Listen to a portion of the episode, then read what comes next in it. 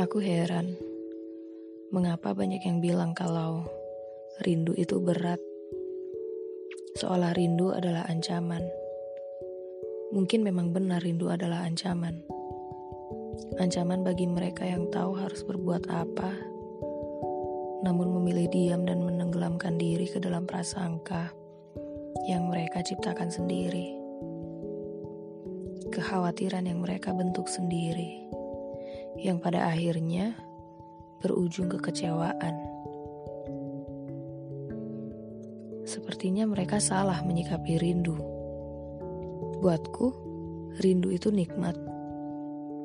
Kau bisa merasakan kedatangannya melalui nadi yang berdenyut lebih cepat dari biasanya.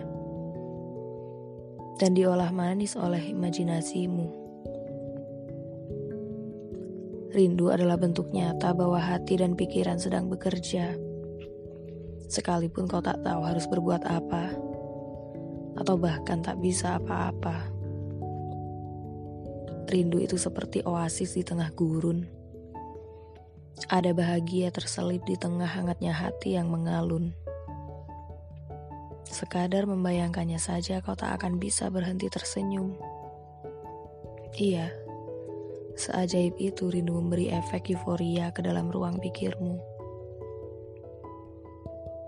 Jangan lagi kau tega bilang rindu itu berat, karena rindu adalah sebaik-baiknya pengikat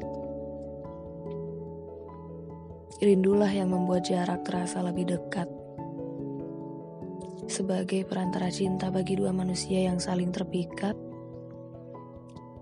sebagai perantara dua manusia yang terhubung oleh aliran darah, atau perantara bagi masa kini dan masa lalu. Tapi bagaimana dengan mereka yang rindunya searah? Rindu yang bertepuk sebelah tangan rindu yang tak berbalas. Kau harus ingat, rindu adalah bukti bahwa hati dan pikiranmu masih hidup dan memiliki harapan. Kadang rindu tak selalu harus berujung temu. Cukup katakan, maka akan lepas, walaupun sering kali terasa semu dan jemu.